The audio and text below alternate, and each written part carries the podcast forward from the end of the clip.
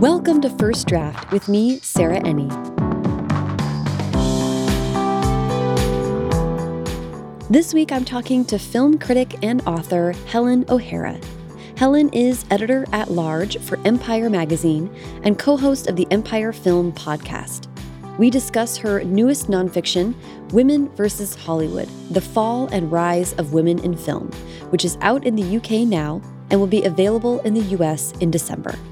She's also host of the book's accompanying podcast, Women vs. Hollywood with Helen O'Hara, which is out now and available wherever fine podcasts are downloaded. This conversation is a bit of a departure. Uh, we talk a lot more about movies than books, but I found it so fascinating. I love what Helen had to say about the many, many women who shaped film in the early pre studio days, the ways that our current MPAA film rating system upholds the white supremacist and patriarchal standards of early film censorship, how the same confluence of disruptors in the film industry that created vaunted 70s cinema are at play today and might determine the next 40 years of what we watch. And relatedly, we get into what we as viewers can do to influence change. If you enjoy First Draft, there are lots of ways you can help support the show.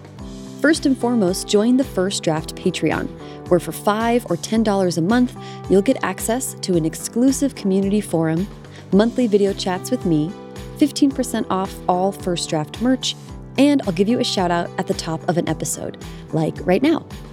Thanks to Kristen Berry, M.A. Berry, Kelly McGee, Amy Alton, Savannah Kay, Kylie Orchard, Shira Engel, Will Ralston, Patricia Riley, and John Moran for joining the Patreon and supporting the show. If you want to skip all the hullabaloo and just donate directly to the show on a one-time or recurring basis, you can do that at paypal.me slash firstdraftpod or donate via Venmo. The show is on there at firstdraftpod. The show notes for this and every episode are a great resource, and they are also a way to support the show.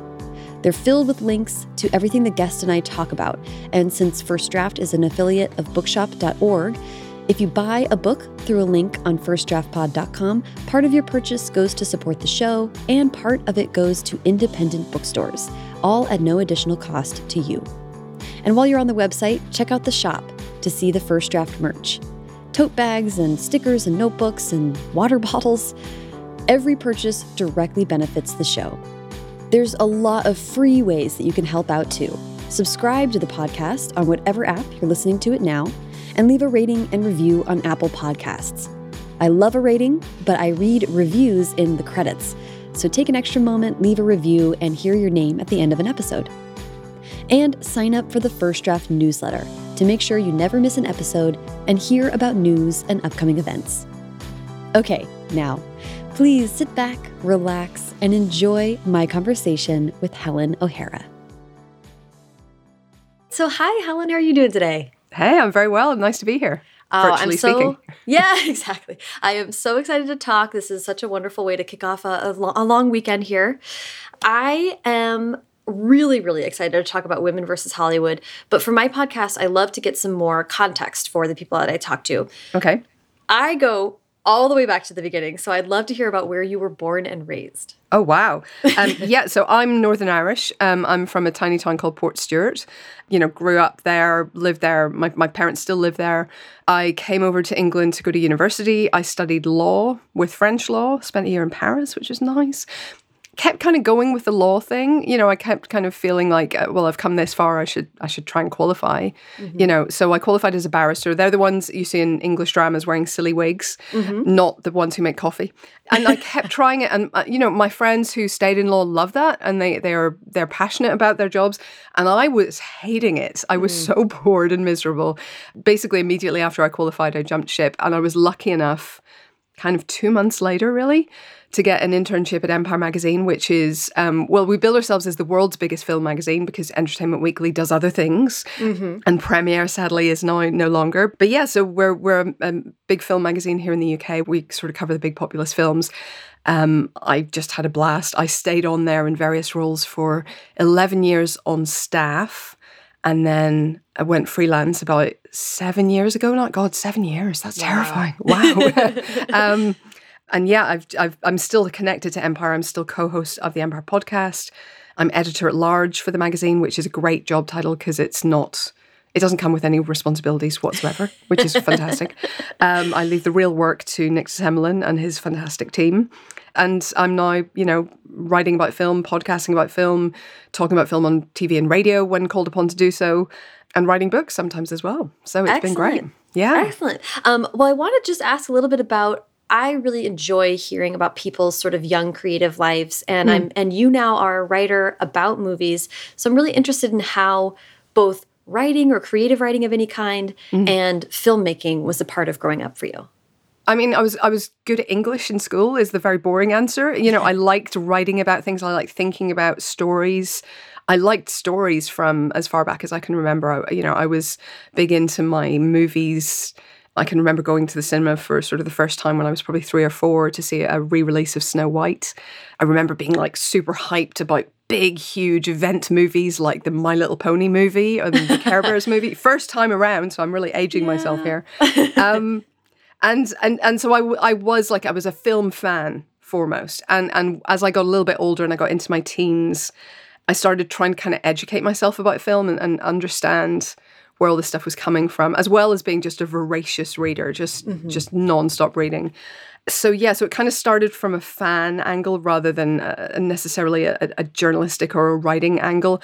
I don't think I would have wanted to be any kind of journalist. I wanted to be specifically a film journalist, you know. So I'm not mm. that pure. I don't have that that kind of purity of spirit that you get from some journalists who just have to get the truth out there, man. I'm just like, I just want to watch films and they pay me for it. you know? um, I mean, I bang on about this endlessly, but I think film can genuinely change the world. I think it can create empathy where there was none. I think it can introduce us to other people's lives. I think it can be really important. Mm-hmm. It can also just have amazing things blowing up and cars driving into space and Vin Diesel shouting at people, and that's fine too. But, you know, I, I do think that film has an important role to play, and, and it's sort of it's sort of lovely that one of the things I've witnessed during my career has been people talking more about this stuff and not feeling quite so embarrassed to get into you know dissecting the feminist implications or the race implications of something and you know people talk about wokeness and say it isn't important but i think it's it's it's so much more of an interesting discussion to have mm-hmm. a lot of the time because this stuff does matter mm-hmm. i think mm-hmm. if you saw the way kids reacted to black panther or captain marvel or whatever else you know it matters to them that they see themselves on screen and mm-hmm it's not the only thing that matters, of course, and it won't solve things on its own, but it, it, does, it changes our psychology a little bit. And I, I love talking about that stuff and I love getting into that stuff.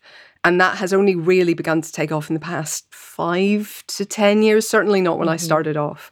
So that's been a lovely evolution to see.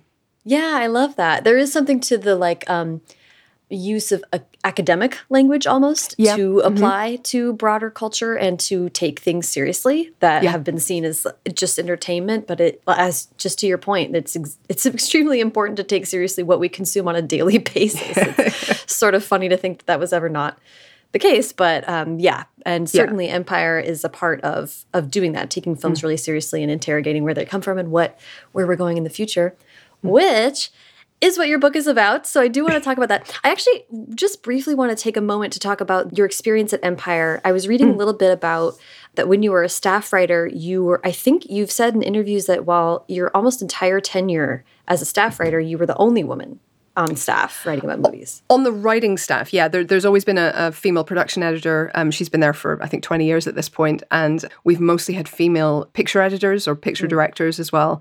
But yeah, it's been a very, very male environment, especially in terms of the writers. Um, I was lucky enough in the last sort of six years to have Terri White there as the editor. She is extraordinary. If people haven't read her book, Coming Undone, it's unbelievable. And I don't have to say this anymore. She's not the boss anymore, you know. but she's just she's a phenomenal talent as a as a writer, as a newspaper journalist, as an editor. It was just amazing when she came in because there, there was stuff I'd been sort of saying from the side of the room as I think I was deputy online editor before I left and sort of going, are we sure we want to cover this movie? You know, are we mm. sure we want to hmm. mention, we want to talk about that guy again? Mm-hmm. Really?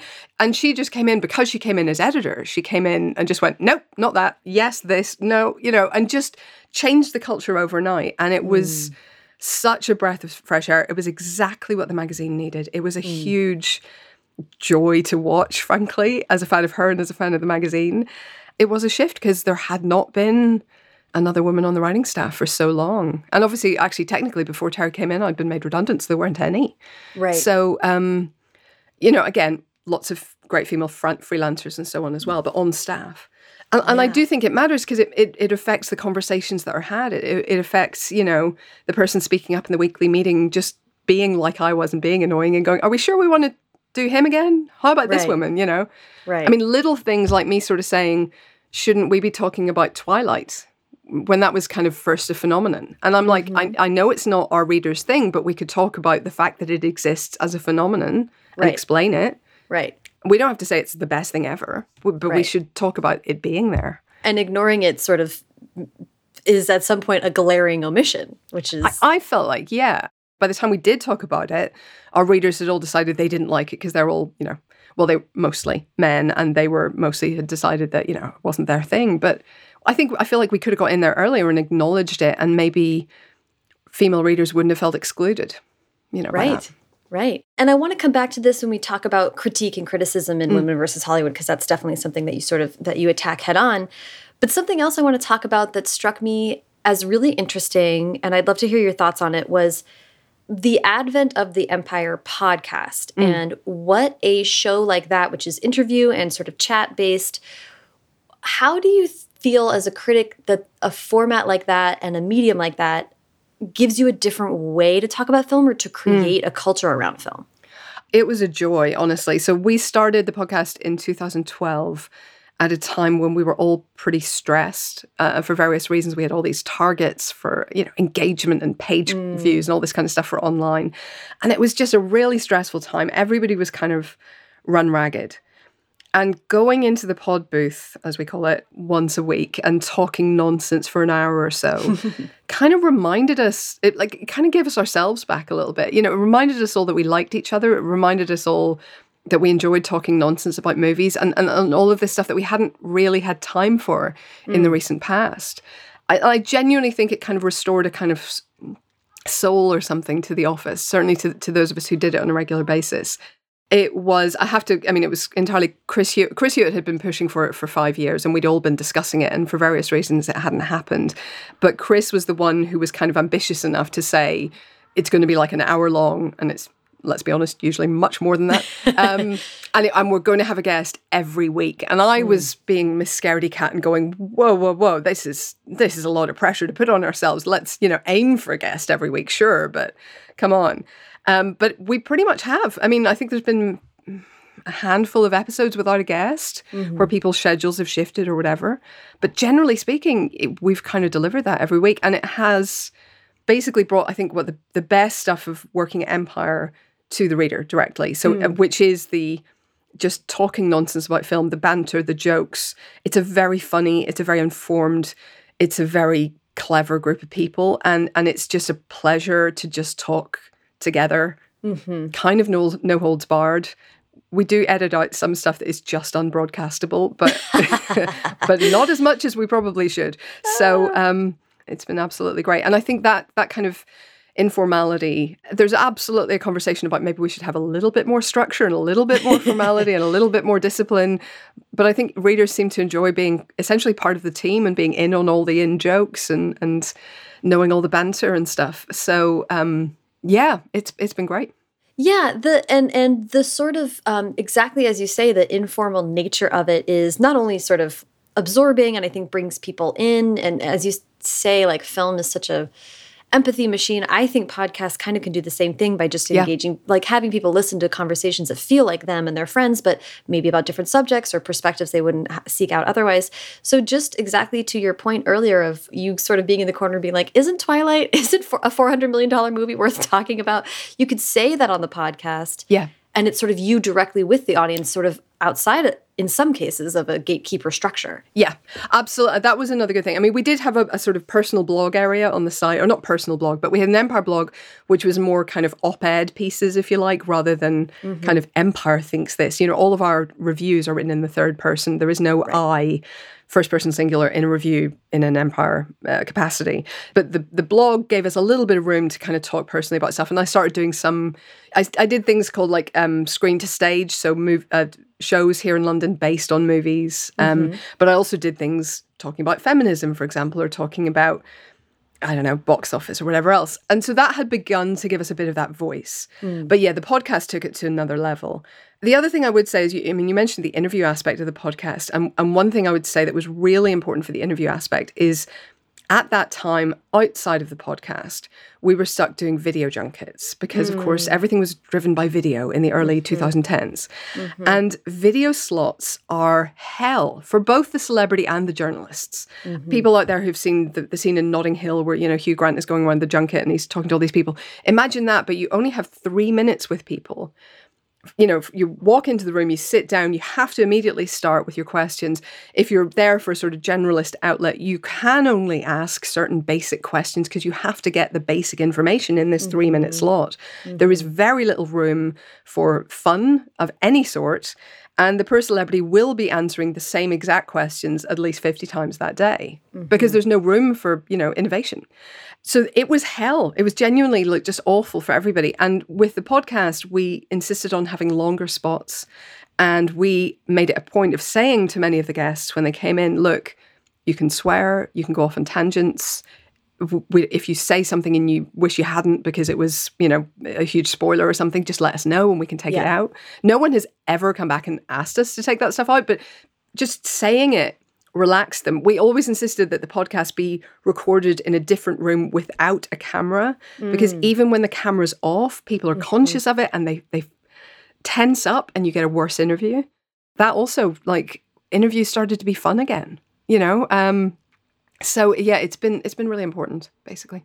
Yeah, that's so fun. And I love, uh, I do all of those things you just said. It's so fun to talk to someone else who sort of um, is an interviewer because those, it's such a trick of the trade to say, like, it's so hard. Let's just set the, let's just make you feel comfortable here and that you mm-hmm. understand this is not like I'm trying to like there's no gotcha, nothing there is no happening gotcha, here. Exactly. It's yeah. just like, really, what were you trying to get at? And when you make people relax, they will go maybe places they shouldn't or or wouldn't otherwise or or you know they'll they'll be really honest and mm-hmm. um and I think that's a place where we can really all like sort of connect and have these yeah. bigger more important conversations so love to hear that and I and I do think that it's interesting to think about I think having a chat show like Empire does encourage people to think more critically about movies and the rest mm. of their you know just like sort of creates a um, a domino falling effect of then you know you turn around and you say like well actually let's talk about like why it's important that there's so many female roles in yeah. the mission series or whatever you know yeah.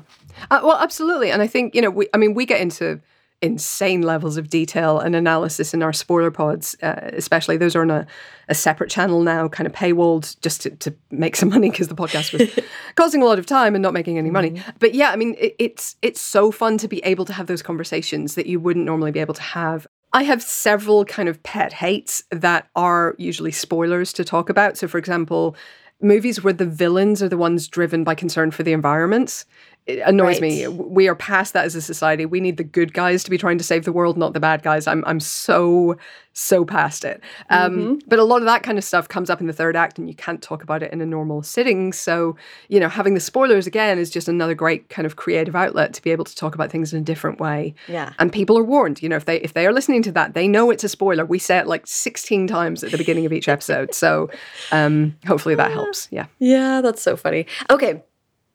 I would love to talk about women versus Hollywood. This isn't your first book, though. No. You did write the Ultimate Superhero Movie Guide. And an 80s movie book as well. And an 80s movie book. Amazing. Yeah. I'd love to just hear about your thinking about book length. Um, mm. that's a whole different thing than writing a column or a blog post or a review or any of that. Yeah. Um, how did you first think about moving into publication?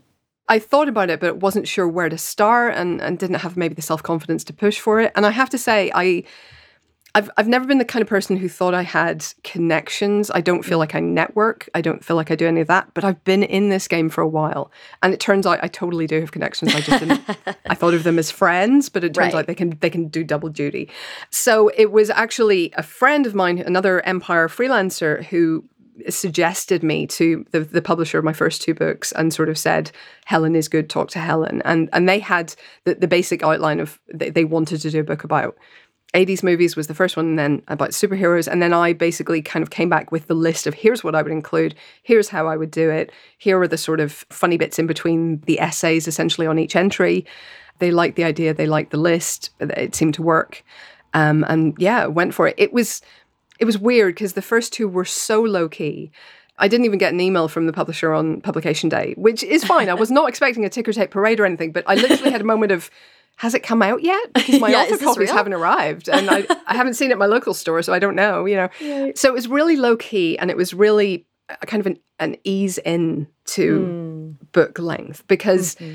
Essentially those are both listicle books, but each element on the list is about the the length of you know a medium length Empire article. Mm-hmm. So I was just writing a lot of Empire articles in a short space of time. Mm-hmm. I still had a near meltdown when I sent in the, the manuscript. I was still like, this is going to destroy my reputation forever. You know, I've, I've said something that will offend someone, and oh my god, it's dreadful and. And then I read it, and I think it's all right. I, I don't know if it's good, but I think it's okay. But but it was a sort of a it was a kind of training wheels way into writing, and I'm so grateful for that. I'm so so grateful that I had that opportunity. And then this book was a whole different beast, and this was really terrifying. Thinking about getting up to book length and not having any pictures to break up the words, you know. Right. Well, I'd Um, like to to kind of start by talking about it with with the origin story for it. So, what Mm. did you? Uh, how how did that come about? Basically. Well, so a lot of it was stuff that I'd been thinking about and writing about for a while um, in my freelance career. I wrote for a while for a kind of e magazine here called The Pool, which had a brief and glorious life as a sort of feminist uh, online publication. And I wrote a lot of things for them specifically from a feminist angle on mainstream movies. It was just great. It was a wonderful group of people. Um, I'm still friends with many of them on staff. I loved that. So that was kind of all in my head. And then I'd done these other two books, as I say, and I, I met up with a friend of mine who it turned out worked for a publisher. Again, didn't know that about her in advance. But I said to her, Can we just go out for coffee one time? And I want to talk to you about what happened on the first two books. Mm-hmm. Like, I want to understand how publishing works. Is this how mm-hmm. things are done? You know, how do you do it? What mm-hmm. happens? And instead, she basically asked me and said, I think we can work together on something. And, and at that point, I was like, oh, sh- oh shit, I, I need an idea. Oh, God. So, so I kind of, you know, sat down and thought kind of what would I like to do? And, and this was essentially it. The idea was to kind of understand why we are where we are right now in Hollywood. So, you know, in a good year, maybe 10% of directors of major movies are women, mm-hmm. usually more like 6%. In a good year, 12% of leading characters might be women. We're still hovering between like 2% and 6% of cinematographers and composers. You know, the, the statistics are horrifying. And I knew from work that I'd done, from reading that I'd done, like it wasn't 100% male in even the silent era. So mm-hmm. what happened? What changed? Why are things as bad as they are? So I basically pretty quickly came to the vague outline of this book, which would be a sort of a brief history of women in Hollywood, really. So mm-hmm. starting from the silent era and kind of trying to go era by era and understand the kind of big concepts, big changes that affected women's position in Hollywood, whether that's the studio system coming in, whether that's the auteur theory gaining prominence. And then I also wanted to, when we got closer to the kind of modern era, to look more issue by issue. So look at the role of critics and festivals and awards, to look at the role of you know, pay, the pay gap, to look at kind of everything. it was laughably overambitious, is what I'm saying. Laughably so. Um, yeah. Well, that's that kind of leads me to my first question. So, uh, and I think I was going to ask you for the pitch, but I think that was a pretty effective. Pitch That was right pretty there. much it, yeah. um, Women versus Hollywood. You know, in the intro, you sort of are really clear that this is not meant to be like the definitive history of women in film, or even the definitive history of women in Hollywood, or of sexism in Hollywood, because that would have been, you know, the work of a lifetime or I several mean, yeah, it would be an encyclopedia. It really would. Um, yeah. I- well, I'm just curious about how you came to the scope of the book and sort of the structure. You just outlined the structure, but that's mm. an enormous amount of work mentally mm. to sort of shift that and organize it into a kind of structure like this. So how did you come to that? Yeah, so I had to sort of I laid out my kind of my I think what 10 or 12 basic eras that I wanted mm -hmm. to mm-hmm. do. A, a, couple of chapters basically ended up being too long and had to be split in two. But essentially that's it's pretty much the same structure that I pitched. It helped me to have those chapters and it helped me that they were as distinct as they are because mm -hmm. it, it is it is almost era by era and then issue by issue. Mm -hmm. um, because that gave it immediately some structure and it allowed me to tackle each one as a sort of again like almost like an article but just a much much longer one than usual so each chapter is maybe a, around about 10,000 words i think a little bit fewer for some but that meant i had a kind of a, a goal in mind i had an idea of what i was trying to search for and I had an idea of when I could stop writing and mm-hmm. move on to the next chapter. Mm-hmm. Because I mean, uh, you know, you, you know yourself, you, you fall down a research rabbit hole, and you can be lost in there for months. I mean, or it the, could the take over the era. book. Oh, it can right. take over the book exactly. And I mean, yeah. the silent era alone. I mean, because I was very insecure that I knew less about that than I knew about mm-hmm. any other era. I mean, I spent way too many months researching the silent era, and um, and and it genuinely is the is the part of the book that I kind of slaved over most. And then I was like, oh my god, I've got a deadline. oh. um, so yeah, so that was difficult, but having that structure was absolutely key and allowed me to kind of mentally think of this not as a I think it's about 105,000 words in the end, mm-hmm. which was cut down because I delivered a manuscript that was too long. Um, so I had to, had to, lose a few thousand. But um, but yeah, so I, it allowed me to to mentally deal with that because if I just sat down to write 105,000 words, I think my brain would shut down. Right. You can't think of it as Mm-mm. the 105,000 beasts that you have to tackle. It's like, okay, just this essay, 10,000 words is just this ambitious. one. Yeah. 10,000 words is still a lot, but it's much less. So. Yes. Yes. Um, and that kind of leads me to, you know, so you have the scope, but also you say in the intro, this is not really a sober, balanced book. I have approached it more like a polemic and aimed to rebalance the stories endlessly written about Hollywood men the good, the bad, and the ugly. And my question is really about tone because it mm. is very uh, personal. You speak, it, it's first person, you speak of yourself, you reference your history, covering movies. So it is like, you know, you are reading Helen's book, and not all yeah. books nonfiction books are written that way. Yeah. So um, I'm interested in what in your thinking about coming to that tone. Yeah, I think I mean there were there were a number of reasons for that. I mean, first of all, I kind of like I I don't consider myself I am not a, a historian, so I didn't want to present this as a work of history. Mm-hmm. You know, one of the the titles that they suggested me at, at, one point was a history of women in Hollywood, and, and I kind of ran a million miles from that. I was like, I don't feel comfortable with that. I really don't, right.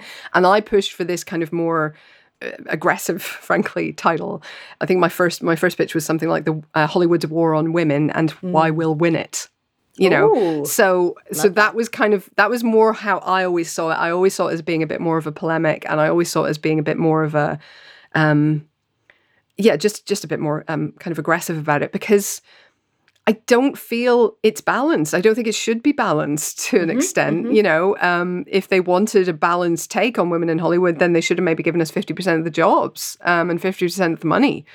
But as it is, you know, screw those guys. Um, so, so, so it was also a little bit, I think, uh, insecurity in terms of I wanted to be clear on what I was doing and not doing. And I was very aware as I wrote it that there were counter arguments to some of the stuff that I was saying. Mm-hmm. And I either didn't have the room or didn't have the willpower or didn't want mm-hmm. to write about those and refute every single one mm-hmm. or acknowledge the truth of some of them or whatever else. I mm-hmm. just wanted to tell this story because that was a big enough challenge.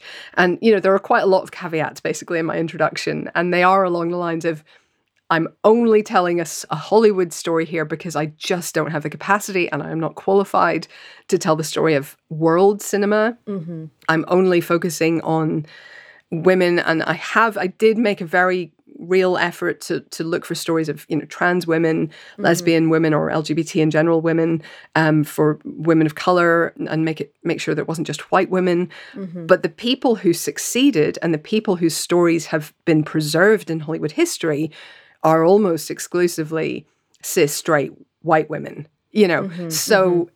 I was very aware that I was going to be mostly talking about those women because mm-hmm. they are the ones whose stories are part of Hollywood. Mm-hmm. And and again, I, I, wanted to make it clear that I was conscious of this shortcoming and that I, I, I was aware that it wasn't a sort of a universal book, mm-hmm. but this is the book that I'm trying to write, and this is this is what I've got, guys. You know, so right. so there's a little bit of of yeah insecurity and and sort of uh, limitation there.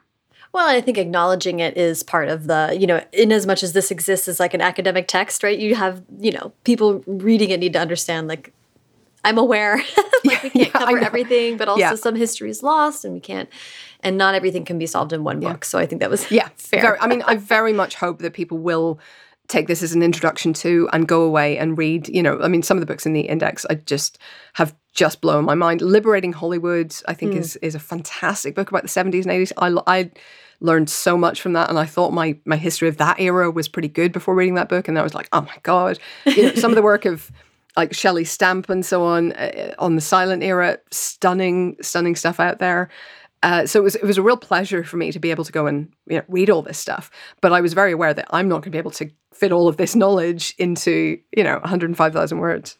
Right, and contextualizing the book as in conversation with those other yeah. texts and and meant to be part of a larger infrastructure of reclaiming the history. Very much, of, yeah, yeah. Of this medium. Um, you mentioned the title. I love those proposed titles, but the title you came um, you came to is really great and interesting because mm. it states in the subhead the fall and rise of women in film. Mm. I want to talk about that in, in as much as it hints at the really the odd regression yeah. of women in film. So yeah. um, I would love to because because women I'd love to just talk about the initial sort of filmmaking advent when it was like the Wild West before the rise of the studio system. I didn't realize that there were just so many pioneers mm. in film that were women. Yeah, this is it. I mean, they were never a majority. They were a pretty much equal number of screenwriters. They were about 50% of screenwriters. Um, they were never a majority of what we would now call directors, mm-hmm. but they did exist and they were very important and powerful in some cases. So the, the names that come up again and again, the most important of the era, were Alice Guy Blaché, who got her start in France working for Gaumont, who was one of the very first developers of cinema. And she was his head of production, basically. And so she did for him what John Lasseter did for Pixar back when it was a software company. She made these little films to show what the technology could do mm-hmm. and then built that up and built that up and built that up into a directing career as we would now understand it. You know, she was making epics that were mm-hmm. 35 minutes long, my God, you know. But in the silent era, that was a large, large scale film. Mm-hmm. So she was really important really early on. And there was there were efforts to get rid of her once it became clear that her position was quite important. But she was mm-hmm. kind of well enough established that she she was able to fight those off. Lois Weber then was one of the most successful directors of the 1910s. And not just because men were off at war. She started breaking through before the war started, to be clear. She was at one point, I think, the second highest paid director in Hollywood. So, you know, this was not, you know, oh, we're being nice to her and throwing her a bone. This was, she is considered one of the top voices here. Mm-hmm. And one of the big box office draws was these female led action serials. So you had The Hazards of Helen and The Perils of Pauline that were massive hits at the box office again in the 1910s. So, what happened essentially was money. Money came in. The films were getting longer and they were getting more expensive. And that meant you needed outside investors who were mm-hmm. invariably men. And that meant they were only comfortable working with other men. Mm. So, you just gradually, as the money came in, the doors just seemed to gradually shut. And and that was true of screenwriters as well, even the people sort of behind the scenes and a little bit further from the center of power because you know they were beginning to gradually understand that producer and director were important roles. Right. But even something that is treated as disposably as screenwriting, wrongly, of course, but still was just kind of locked off to women for a large extent. I mean, there were there were some that, that carried on, but most of them were married couples. Mm. Mm-hmm. You know, so uh, so yeah, it, I I blame the money, and and this is one of the reasons you should read lots of other books. There are people, Karen Mahar, I think, who will say it's it's more complicated than that, and it mm. absolutely is. But from everything I've read, the, the, the principal main thing is money. Right. Right. yeah. Well, and uh, you kind of bring this point up a few times in the book that while it was seen as a lark, women were allowed to yeah. engage with it. And as soon as people were like, oh, there's a lot of money to be made here, then men flood the industry and Absolutely. and shove women to the margins. I mean that that kind of happens today. You know, the 1st mm-hmm. Twilight is is directed by a woman, and then it's mm-hmm. a huge, huge hit, which they did not expect. And then all the subsequent young adult adaptations were directed by men. Yeah. You know, which is- so A real bummer. Coming from the world of young adult fiction myself, I'm like, wow, that was just really wild to witness. Um, I want to talk. I mean, this we're we're like really glazing over a lot of things that you go into much more depth in the book, but I want to get to them because they're so fascinating. I want to talk about the Supreme Court ruling that movies weren't art yeah. Yeah. and the Hays Code. Those two things kind of intersect. Um, Yeah. Can you just sort of explain what the Hays Code is for anyone that's not familiar? Yeah, so the um basically under a guy called Will Hays, he was brought in by Hollywood to provide a level of voluntary censorship to the studios. Basically, the uh, Supreme Court in 1915 made the completely barmy decision that movies weren't art. Like it was already obvious that that was nonsense. But anyway, they made made that decision, and that meant that the specter of government censorship hung over the early film industry from 1915 onwards. It, al- it had already been lurking, but then it became really worrying. And Because saying it wasn't art meant that it didn't have First Amendment rights. it didn't have First Amendment rights, exactly.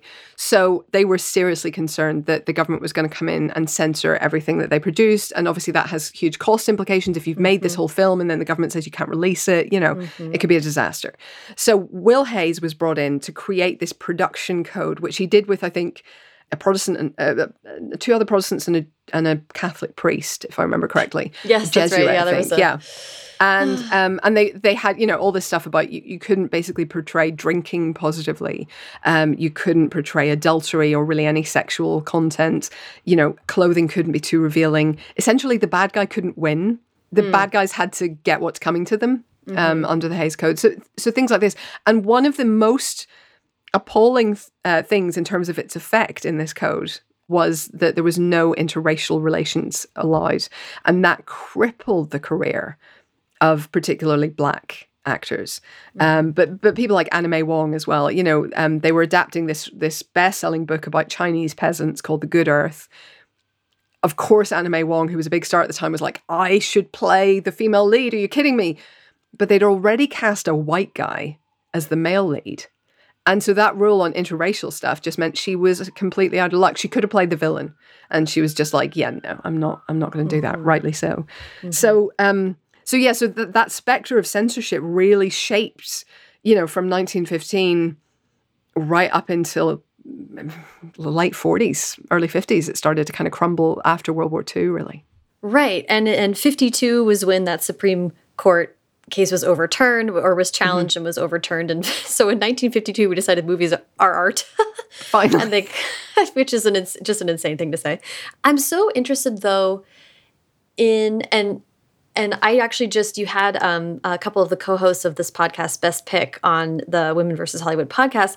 I just spent all summer listening to all of Best Pick, and like Oh, it's amazing, isn't it? such an amazing podcast and Yeah. I just learned so much and the way that the Hays code is just threaded throughout you know the history as they so Mm-hmm. so wonderfully explain is just like shocking but I want to talk about the ways that perversely the Hays code created it and the studio system sort of did create an environment where actually there was more, in some ways more nuanced female roles Yeah, this is a real. This was a really um, kind of fraught thing, and not something. I think I'd maybe read one article about it before, but I hadn't really thought of it when I was pitching the book, and I'd just been like, "Yeah, censorship bad," kind of thing. Mm-hmm. And it was only when I kind of got back into the research on that chapter, I was like, "Oh no, censorship was also kind of good for bizarrely for, good right for a small group of women." And, and again, yeah, Hays Code very very bad for people of different races, but for a small group of women, censorship rules kind of forced uh, screenwriters and studios to work harder than they would post censorship or pre censorship. So basically, pre and post censorship, you had lots of stories about prostitutes with a heart of gold and uh, maybe not quite prostitutes, but you know, girls of uh, easy virtue, let's say, who gold diggers or they're just after a guy for whatever reason, and they don't have much else going on in their lives beyond men. And the Hays Code, because of that, you had to get women into a position where they would meet and interact with the same guy multiple times, so that they could fall in love or have an adventure or find the spy or whatever it was they were trying to do. And that meant giving them jobs. So you got all of these female reporters. You know, His Girl Friday, one of my absolute all-time film favorite films, is a classic example where you had to have Hildy Johnson working on the newspaper because otherwise, you know, how does it work? Right. Um, and and so there were a lot of those kind of stories. So that was good in, in the sense that women were getting these cool opportunities. All those Katharine Hepburn, Spencer Tracy comedies where they're working in the same industry, you know, th- those are really cool and they stand up remarkably well today because they had to give them other jobs. Um, so yeah, so there was there was a slight upside to to some of the censorship rules, but I, I don't know if it was. Wouldn't it have been nice if we could have had women with jobs and also uncensored movies? You know, wouldn't that have been ideal? Anyway, Yeah. I'm still dreaming of that. I know. Well, it's, it was shocking and, and really interesting to hear that, you know, I mean, it's such a, it's one of those things that's hard to wrap your mind around. Like before they were forced to do that quote unquote creative thinking, they were like, well, how else would a man interact with a woman regularly? Of course, she must be a prostitute. it's like, wait, I mean, that's, and, and they kind of went back to that to an extent in the 60s and 70s. You know, it's yes. it's it's not great, guys. I want to also ask about the Hays Code legacy continuing on in the MPAA. Mm. Uh, this is something that I sort of scream about on this in my group group chats and in my personal life. So I would just love to hear about like how this the MPAA as it exists, are so our, our rating system for films now Yeah. uh, are PG thirteen in the U.S. PG thirteen perpetuates this sort of white supremacist and patriarchal things that the Hays Code established and, and codified into films. Absolutely. I think there's there's so much of the standards of those films that kind of carried over. So, yes, they've absolutely loosened up on some stuff, especially on violence. I think uh, this is a, uh, something that you really notice in terms of American ratings versus UK or Europe, especially France. I think what we see today is that there's still an incredible amount of censorship of female sexuality specifically. So, female nudity all over the place, totally fine, not a problem. Women enjoying sex and that being the point of a scene, not cool. A- hmm. And, and you see this over and over again. You also see it in terms of heterosexual sex mm-hmm. is much less likely to be censored or or kind of slapped with an NC-17 or an R rating than gay sex or any mm-hmm. kind of LGBT sex. Mm-hmm. So there's again this this assumption that if you're a man and a woman having a sex scene, we will allow you to show more than if you're two women or if you're two men. And that again, that that absolutely that double standard also exists here. No question. Mm-hmm. It's not that's not just an American thing, but it is still something that censorship boards I think have not figured out and have Right. not acknowledged in themselves and changed and moved forward. And I hope that that begins to change soon because it's it's ridiculous, you know. It's Well, really ridiculous. It's, it's shocking, like when you when you hear what the standards are, and that you know you take out a, like a, a you basically create these strange equivalencies Mm-hmm. between swear words and female orgasm, or Yeah. the number of stabbings that are visible. You know, like so the what ends up happening, and as you go into in the book, is that violence is so much more normalized than healthy consensual sexual relationships between adults Yeah. in a way that is just like, we what are we in perversely like what are we saying about ourselves and our world? Yeah, I, I do think it's really perverse and I do think it's really unhealthy, you know, that we're we're super okay with violence. And and the other thing that gets me, and this isn't particularly something I covered in the book because it's it's not really women specific, but um kids movies that remove the blood from otherwise incredibly violent scenes. So in in the movie version of His Dark Materials where one polar bear rips off the other polar bear's jaw, there is not a drop of blood, but you see the jaw skitter across the ice and I'm like that's a horrifying image for a kids movie. Are you kidding me? Mm-hmm. And and so that kind of stuff, you know, in the the Narnia films, they were you know stabbing people left, left, right, and center, but there was not a drop of blood.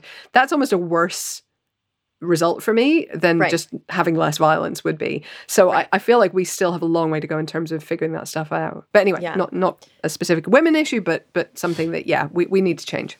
Definitely, and something very bizarre. It's just having to do with how do we want to establish, con- you know, as a storyteller, I think about this all the time. What what not having blood means is that we are not showing a consequence. Exactly. Exactly. And yeah. That is like just creating weird. You know, I, I spent a lot of quarantine playing Zelda, and like the monsters just disappear, and you're like, well, you know, if they stayed, I guess that's that. Hyrule would be littered with bodies. You know, it's just Well, like it I would be a different. It would be a different vibe. Look, I mean, you know, Reservoir Dogs, uh, people bleed out horrifyingly and painfully when they're shot. Mm-hmm. Isn't it a better message to tell people that than to have something like Home Alone, which says that you can drop a hot iron on someone's head and they'll be basically fine apart from some sunburn? And it's a laugh line, yeah. And it's yeah. a laugh line. Yeah, it's Yeah. crazy. Um, so that's just something that's uh, my Yeah. bugbear that I'm like, That's I want to have this I'm on with you. record so I I, will- can talk to all my friends about it. I will march on those barricades with you. okay, excellent. Um, for the next little bit here, I want to talk about directors. Hmm. Um, you really, really spend a good chunk of the book discussing directors because they are so important Yeah. to steering a film. Of course, we know movies are not, um, which we'll get into, movies are not created by one person. But speaking directly about directors, you wrote between 1949 and July 1979, the major distribution companies released 7,332 films. A total of 14 of those were directed by women, only seven different women. Uh, That's 0.19%. Yeah.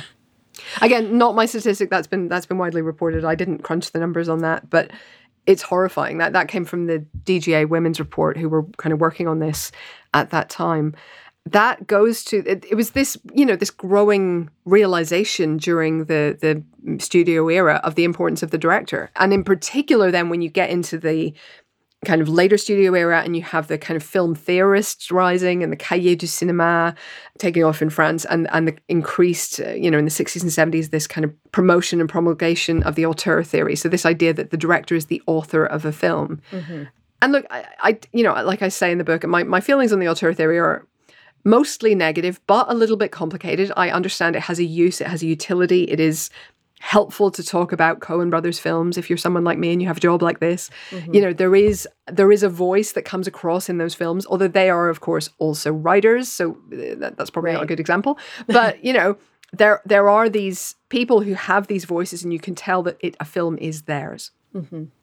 But not all directors are auteurs. Not all films have an auteur director. And even when they do, it's still diminishes, I think, the the contribution of so many other people because the people who are claimed and who are hailed as auteurs generally have their pick of the best talent in Hollywood. They will work with the best screenwriters, with the best uh, cinematographers, editors, you name it. I mean, you look at a list of auteur directors, you will see huge amounts of editing talent in particular working behind them and working with them. So it's never that simple. At least very rarely. We can I don't know, Robert Rodriguez on the very first El Mariachi, maybe where he did like 16 different jobs. Maybe but like generally speaking, it's never that simple. Mm-hmm. And yet, you know, it, this is widely accepted, and auteur theory is is widely talked about and and widely kind of at least semi understood. I would put myself in the semi understanding camp, and therefore it matters because it, these directors get status, they get power, they get freedom, they get opportunities as a result of this understanding. Mm-hmm. And if only men or mostly men and mostly white men and mostly straight men are the ones who are being accorded that status then they're the ones who will have those opportunities, who will have these chances to make another film, even though their last one was a flop, mm-hmm. to, you know, get signed on by the biggest agencies, to work with the biggest stars, to have those stars take a pay cut to work with them. Mm-hmm. You know, all of this has has kind of knock-on effects. And if we're only giving that status to a certain group of people, then we are denying everybody else the opportunity and all those opportunities that follow. And that's a problem. And historically, we have only given that status to a certain small group of people. Right. So, yeah, I, I, I have issues. Yeah, and and I'm glad you brought us to auteur, auteur theory because that's where I was going to go. Um, so auteur, auteur theory sort of a lot sort of co and we're kind of going chronologically more or less hmm. here a little bit, but like that sort of rose as the censorship uh, faded away. Yeah. Yeah. So then it, these French men who came up with this, or an Yeah. Italian man living in France, whatever, popularized by a French cinema magazine that was, you know, full of, of movie nerds. Not a bad thing to be a movie nerd, but these particular dudes decided to bestow the auteur label Mm-hmm. on filmmakers that they believed in, who were all men. And then we have this rash. I mean, we have like 20 years of movies. Yeah. I don't know. Basically, this is a long way of me asking you about like the 70s. yeah, the seventies. But but like it, I think I think that is all part of this kind of bubbling up film culture that was the new Hollywood, which was mm. what it, that kind of era was called, that, that 70s era.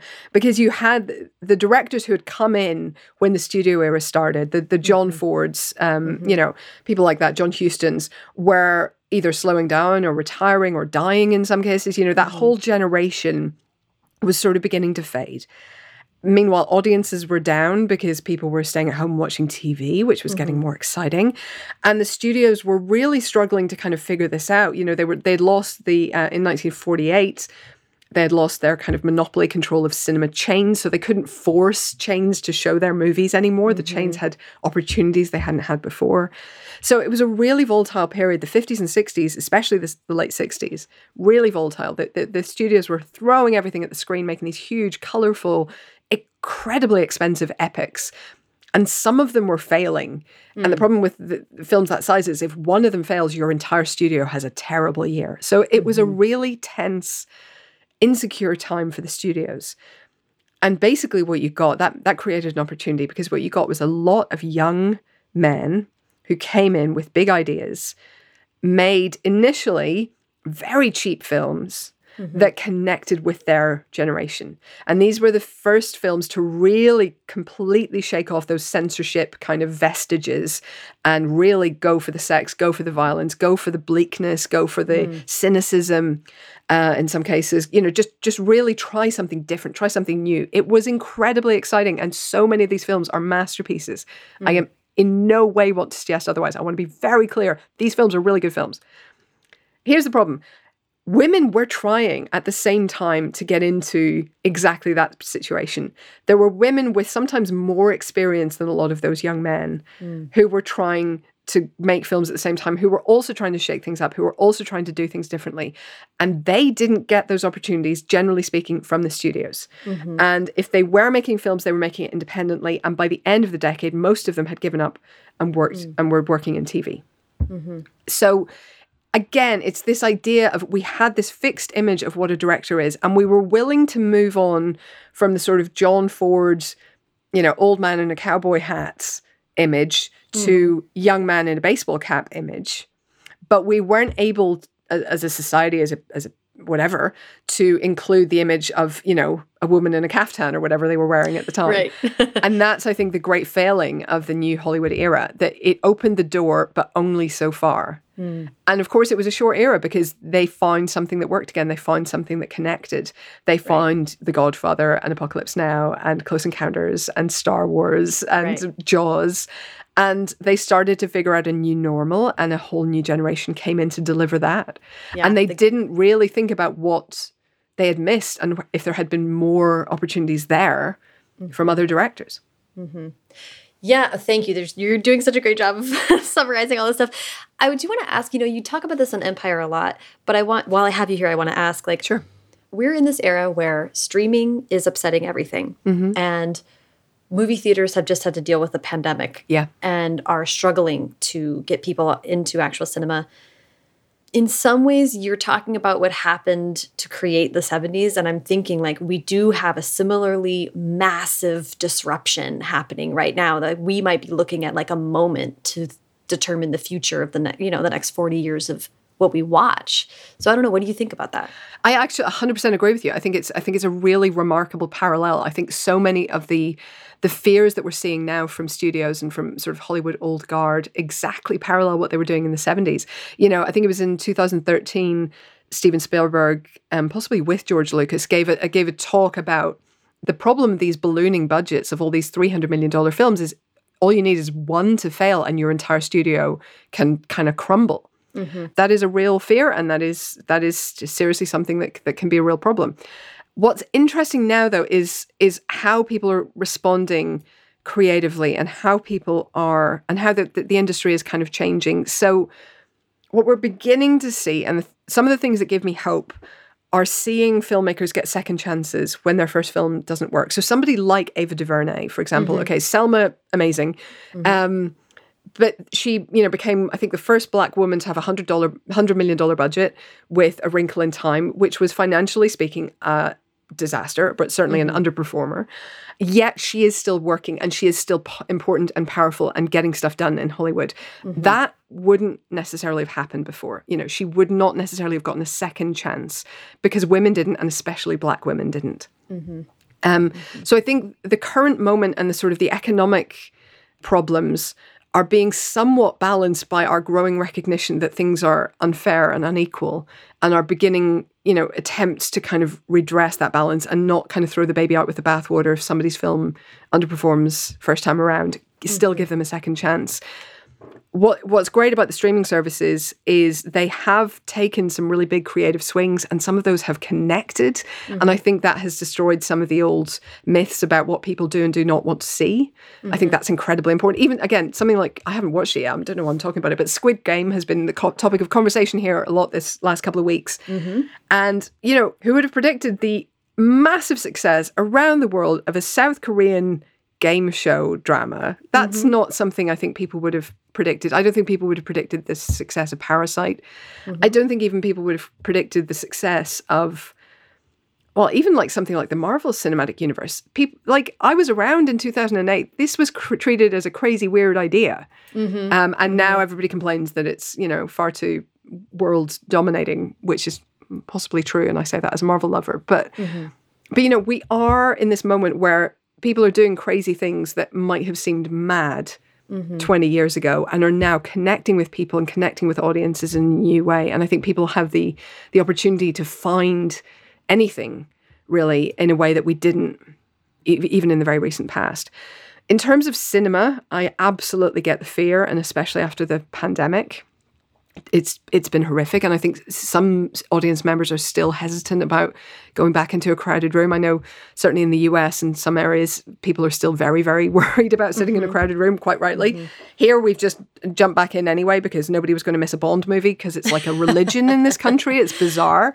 Um, but a lot of people are still wearing their masks and you know it's, Right, it's right. it is a different experience and a different mood in some ways yes, there's absolutely these these issues about everybody has bigger TVs and you don't need to go to the cinema and you know you can see mm-hmm. all these things at home. But at the same time, the cinema experience, I think, and I would say this, of course, but I think it's eternal. I think it is a fundamentally different thing. I think the sense that you got on opening night of Endgame when that person picked up that one thing, mm-hmm. I have never heard a noise like that coming out of my own mouth, never mind everybody else around me. You know, the sheer kind of exaltation of that, the, the moment where that door opens in Parasite mm. and your whole view of what the film in, is changes, mm-hmm. that was unbelievable in a cinema. And you you do not get that at home alone on your couch. You don't. Mm-hmm. You've missed out on that. I'm sorry. If you saw that film for the first time at home I, I am sorry. You you still had a great experience but you had a slightly less good experience than i did. You know mm-hmm. so so there is something important about cinema because it is a collective experience in a way that tv never will be but tv is still giving us these these opportunities and these exciting new ways of viewing things and different you know different lengths of season different mm-hmm. lengths of show mm-hmm. different kinds of show different approaches I, I it is really exciting and i hope that it's going to be a good thing ultimately for cinema Yeah, and and we're getting in the weeds here. So I mean, Yeah, we are. but but I'm I'm so interested in like because I talk to my friends about this all the time, and to the point of women versus Hollywood. I Mm. guess my my a, a long question, but we'll, but I'll jump into it. Having like a Tenet and a Fast and Furious and a Black Widow and a, Mm. all these things, which just sort of needed to make astronomical amounts Yeah. of money to cover their their costs, and to make yeah. it worth um, and having those be so um, uh, not sure bets anymore Mm. because of pandemic and questionable mm, whatever people maybe not wanting to go to the cinema i wonder if you think that you know smaller budget movies are more likely to go to women or minority uh, directors or or actors, stars yeah yeah Mm. star uh, stories about um, marginalized people are more likely to be under a hundred million dollars. Do you see a world where, because these big tent poles are a little bit less sturdy than Mm-hmm. they used to be, that perhaps we see because a lot of these stories just moved to TV, and I love a good TV show. Yeah, yeah. But I would love also to go see those stories, to go see a rom com in the cinema. I think the attitude of the studios to the pandemic at the moment seems to be that happened. and and and you know, okay, we lost money on as you, the films you mentioned. Actually, we lost money on those, and they didn't do mm-hmm. as well as we hoped. But that was because of the pandemic, and that is mm-hmm. understandable, and that is something we can absolutely tell our shareholders, and they won't shout at mm-hmm. us at the the annual meeting. And I think so. I think there's a feeling of let's not draw too many conclusions just from the pandemic.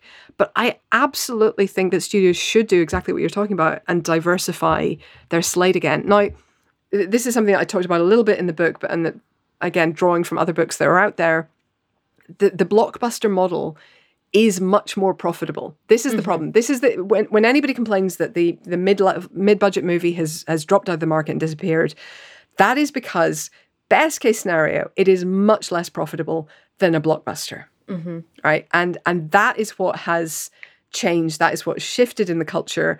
There is no scenario where, you know, a few good men today, made today, would make enough money compared to the amount spending the same amount on a Marvel movie. Mm-hmm.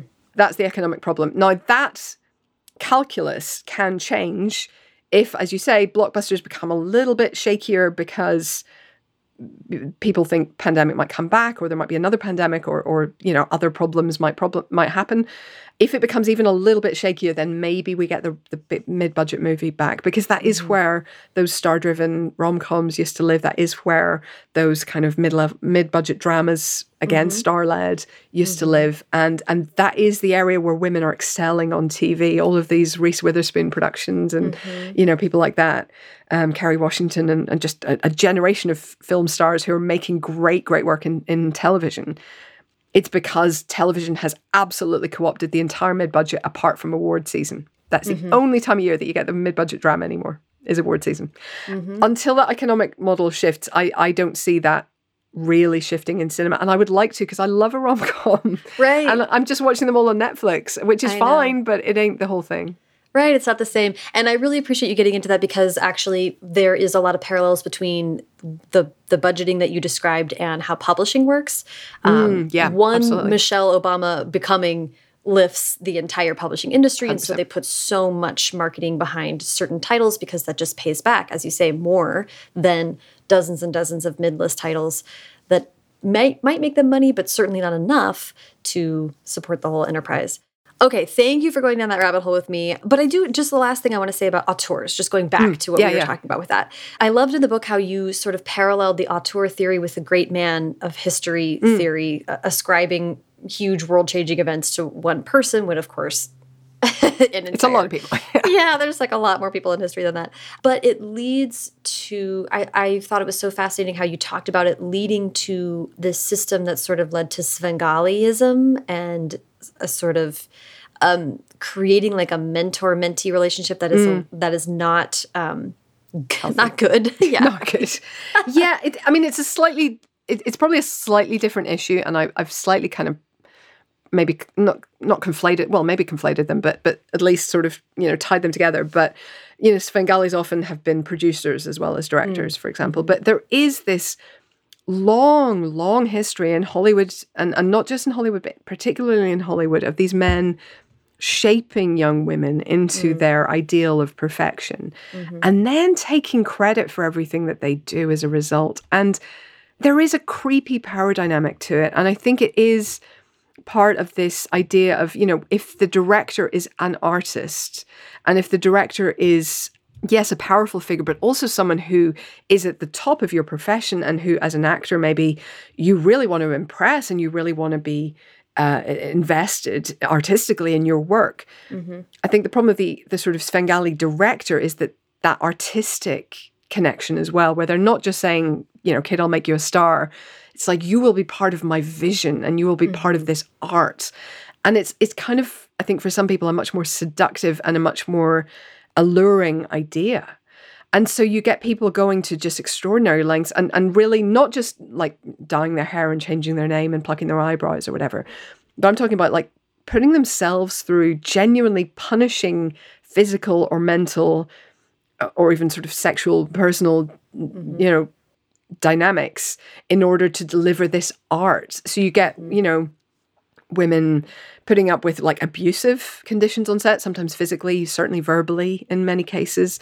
And then also, you know, women feeling pressure to strip off, mm. um, to simulate sexual acts, to do whatever, in a way that they is not what they signed up for and was not in the script that they read and was not what they realized they'd be doing. Mm-hmm. But this is their big break, and they don't feel like they have a choice. You know, so mm-hmm. you get a lot of those kind of very sick dynamics mm-hmm. coming from this inflated status that we give to particularly directors, but also producers and so on. And that, of course, when we start talking about producers, brings us into Harvey Weinstein and Me Too, and and that whole um, underexplored underbelly of Hollywood, which it feels like the entire world had chosen to either ignore or make jokes about. And I would include myself in that pretty much. I, I sort of was aware of the casting couch as a concept and i sort of to the extent that i thought it happened anymore i thought it was consensual and i thought it was kind of silly and i thought it was kind of weird and and creepy yes but mm. not you know any more than that. And it was like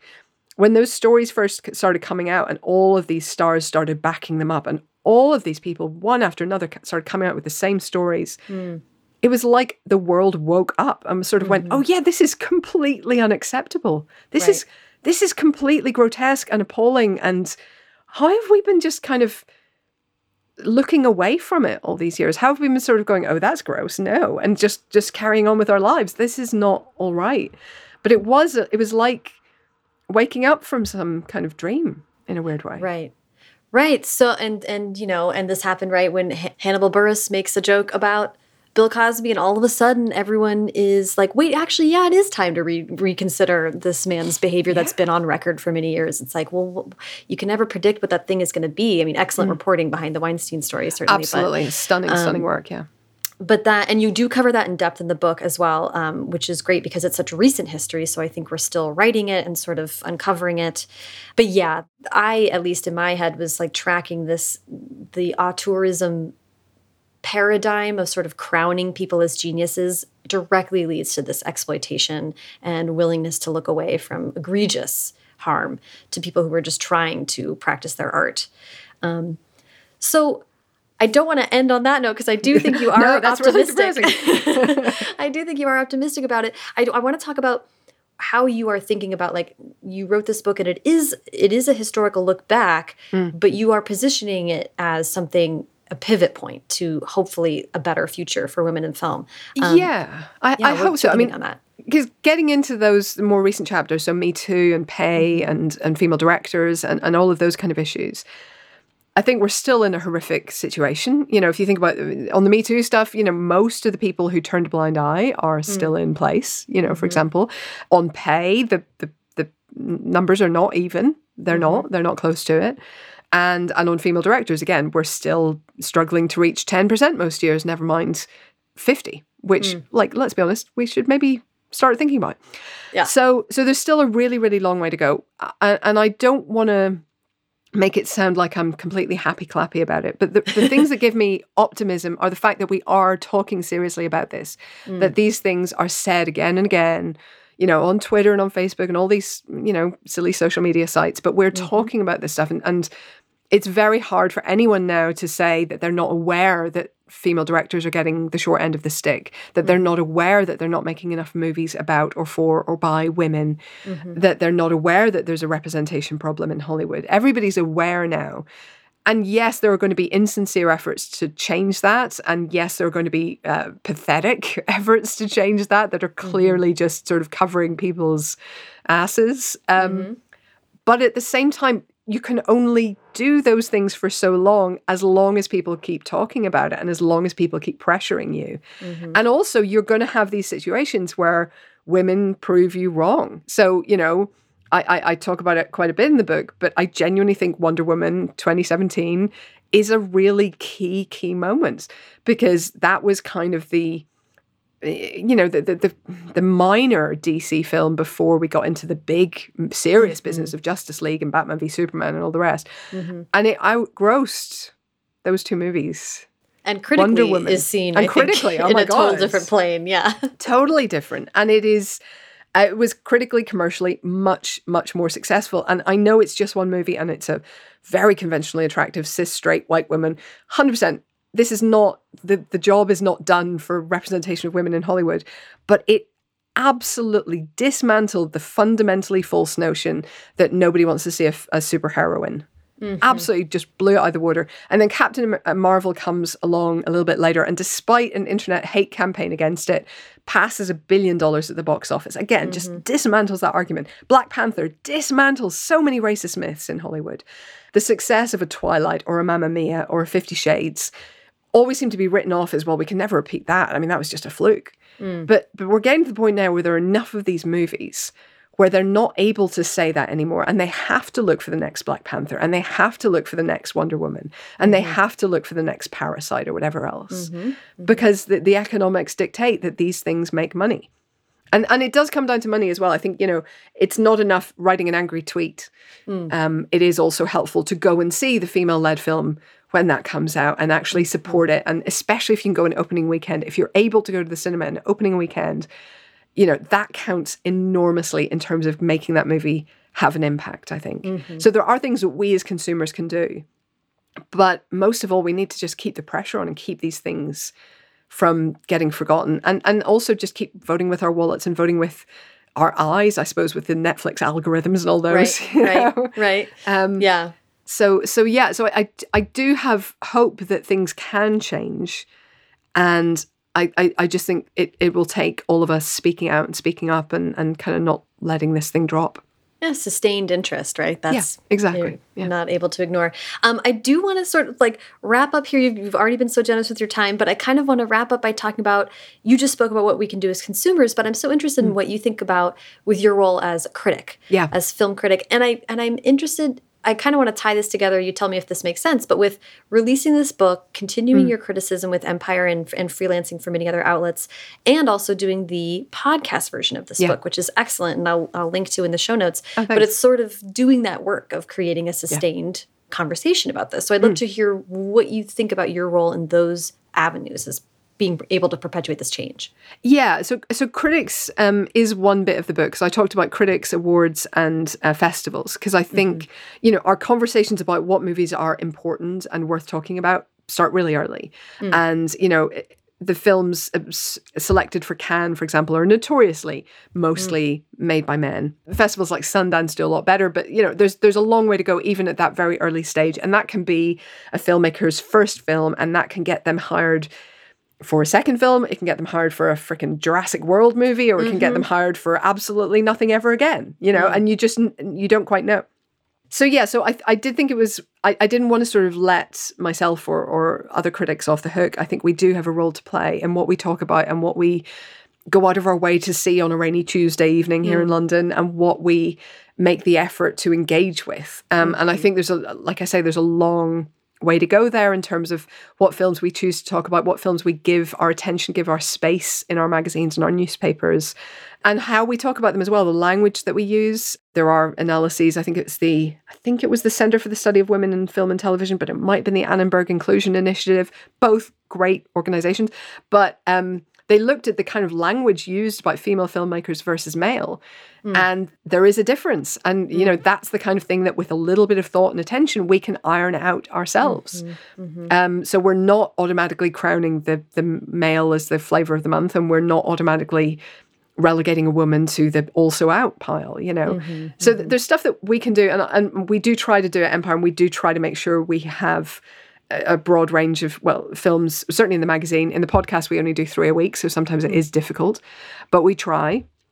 And we also try and make sure we've got diverse voices and that's been something that Terri and now nick have really worked on getting more people um, from more identities more cultures into the magazine because if it's you know if it's a, an echo chamber of 40 something straight white men it's it's only going to go so far. And I, I love my straight white 40 something colleagues but they're not the only group on earth you know? So mm-hmm, mm-hmm. so it's about yeah just having a diverse range of voices having a diverse range of opinions listening to everybody. Many empire editors ago um, a guy called colin kennedy he, he talked about empire being a broad church. It- we mm. should be for everybody. We should be for everybody who enjoys film. We shouldn't just do one kind of film. We, sh- we try to cover lots. Mm. And that's something that Terri massively embraced during her time and that i know that nick is going to keep on doing. Mm-hmm. Um, because it is it is great we also talk about every day being christmas eve so until we've seen a film we're hoping for the best Oh, I love that. Sometimes- That's really sweet. sometimes you open your present and it turns out to be a lump of coal, but until that moment, you know, it could be great. I like that. That's a really great way of framing it. This has been so fun, Helen. You give me so much time today. I really appreciate it. Oh, it's such a um, pleasure. You wrap up the Women versus Hollywood podcast by recommending films uh, made by women or starring I women. Do, I yeah. just would love to hear from you to to kind of get us out here. If you have a few off the top of your head that you recommend for listeners.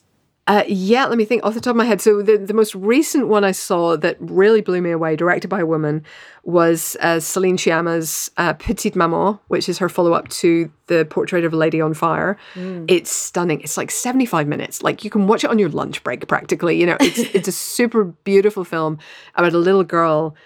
It's about a little girl making friends with a little another little girl who may be her mother from 30 years ago, basically, but or 23 years ago. But it's it's a gorgeous gorgeous film, and um, and yeah, I think everybody should see that.